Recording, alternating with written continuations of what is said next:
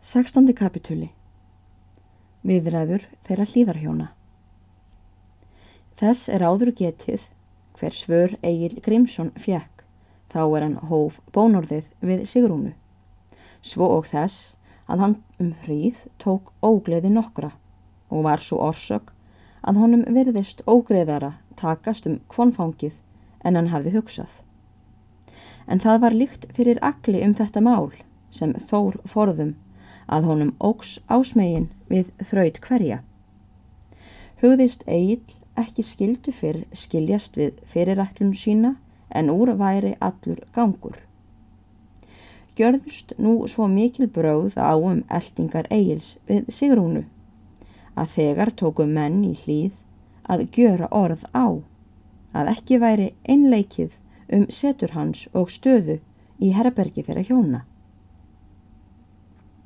Það var einn dag, skömmu eftir það að þær fóstrur höfðu átt tal saman um bref þórarins, að veður var ílt og þótti Sigurði bónda, karlmönnum ekki starfandi útivinna.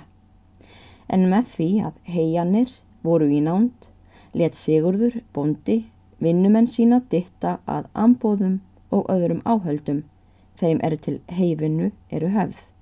Og sjálfur tindaði bóndi hrífu eina og satt í Svennhæfribergi þeirra hjóna.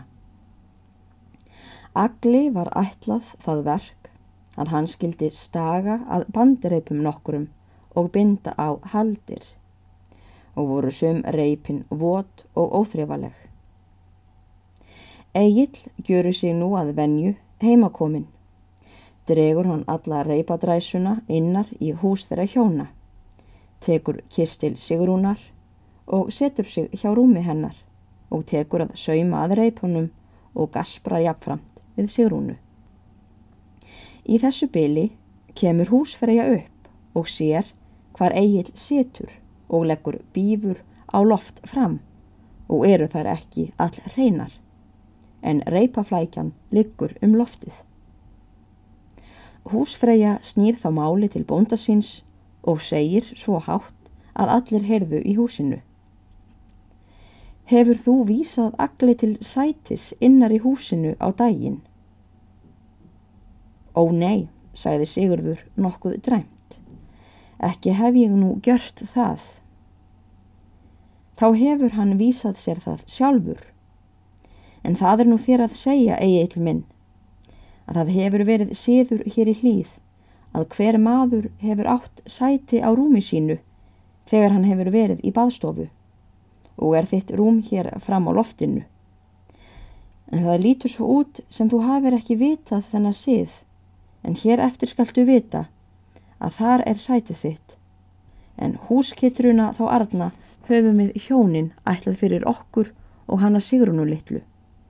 Og viljum við ekki aðrar setur eða verur vinnufólks en sem nöðsynlegar eru og við leifum sjálf.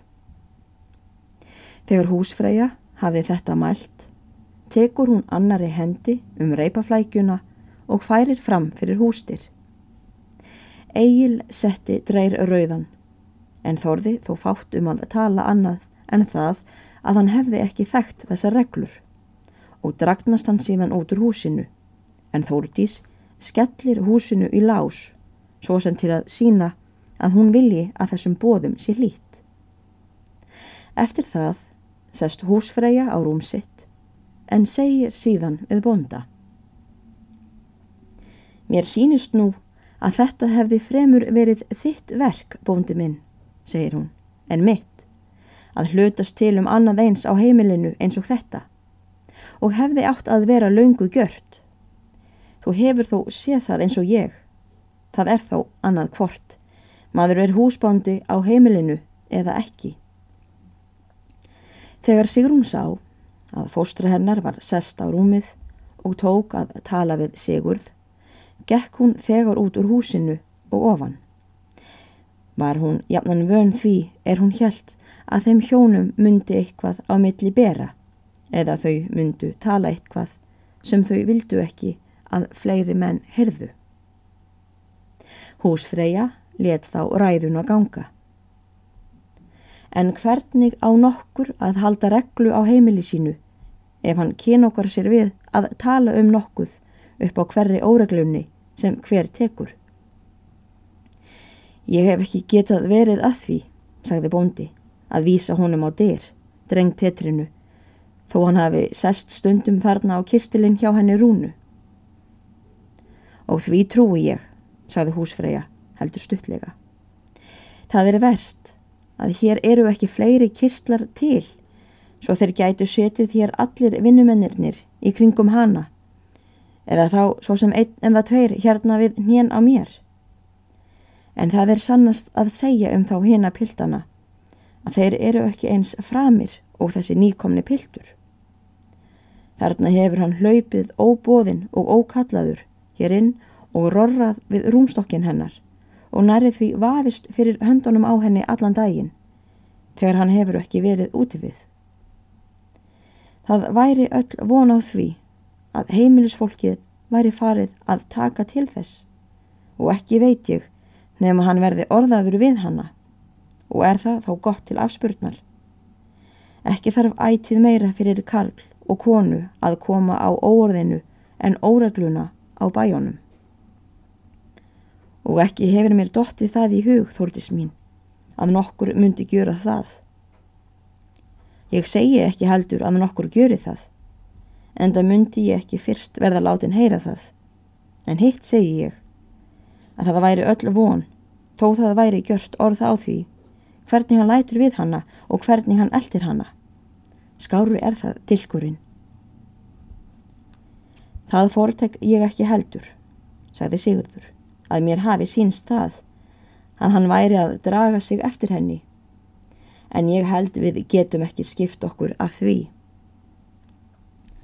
Það getur verið að þú skiptir þér ekki af því, en ég gjöru það samt og satt að segja líkar mér það stór illa ef Egil er hér komin í þess áttar erendagjörðum. Eða heldur þú, Sigurður bóndi minn, að ég hafi látið Sigrúnu fósturi mína dveljast hingað til í húsum okkar að hún skuli fá orð af slíkum óláns slána sem ég ætla Egil þenn að vera og verða honum að bráð. En þú veist, Sigurður minn, að þegar ég tala þá tala ég eins og mér býr í brjósti. Og þar sem við erum hér nú tvö einn, þá ætla ég nú að spyrja þig, Sigurður bóndi minn, með hvaða skilmálum reðir þú eigilhingað? Það mann ég ekki svo gjörla, sagði Sigurður, og var auðséð á honum að hann vildi koma sér hjá að segja að þið sanna. Það mund þú víst muna, eða tókstu hann skilmála löst. Þér er þá ekki stóru vandi á við hann ef þú mótt sjálfur skapa kostina eftir á.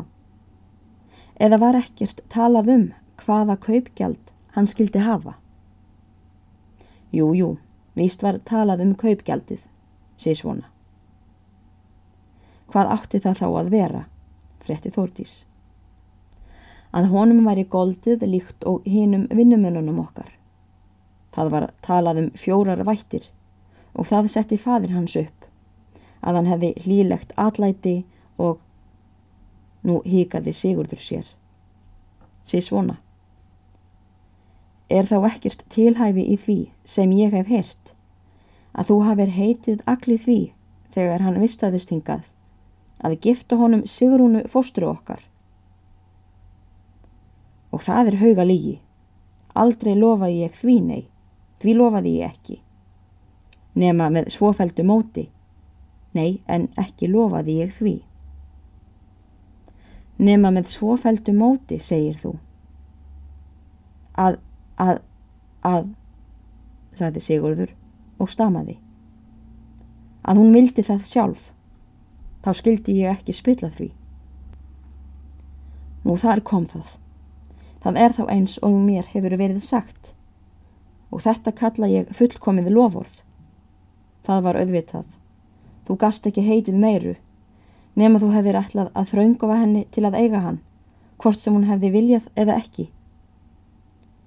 Ég held að hefði verið eins ráðulegt fyrir þig, Sigurður minn, að láta mig vita þetta áður en þú vist að þér eigil hér, eins og þú oftast hefur gjört, á meðan við höfum lafað við þetta búhókur. Og hefur það sjaldan farnast verð þó ég hafi ráðið nokkru með um það hvaða hjú vistut hafa verið. Og við höfum talað okkur saman um það áður en það hefur verið fullgjört en það er þér sannast af að segja að aldrei myndi eigil með mínum vilja hafa hingað komið ef ég hefði vitað að þetta hefði búið undir og þeir hefði haft það í skilmálum sem nú kemur upp úr kafinu. Það hefur hingað til lagast svo búskapur okkar að okkur hefur ekki vantað hjú þó við höfum ekki gripið til þeirra úræða að gilla fólk með lofurðum sem þó ekki koma fram þegar til kemur. Veit ég það að sömur húsbændur hafa þann sið að ginna til sín hjú á ymsan hátt. En það er hvortveikja. Við höfum ekki átt dæturnar til að laða að okkur vinnumennina með. En það held ég að ég hefði ekki haft þær fyrir agn, þó ég hefði átt þær. Því það kalla ég fremur auðvirðileg úræði. Og þó Sigrún litla sé ekki mín dóttir.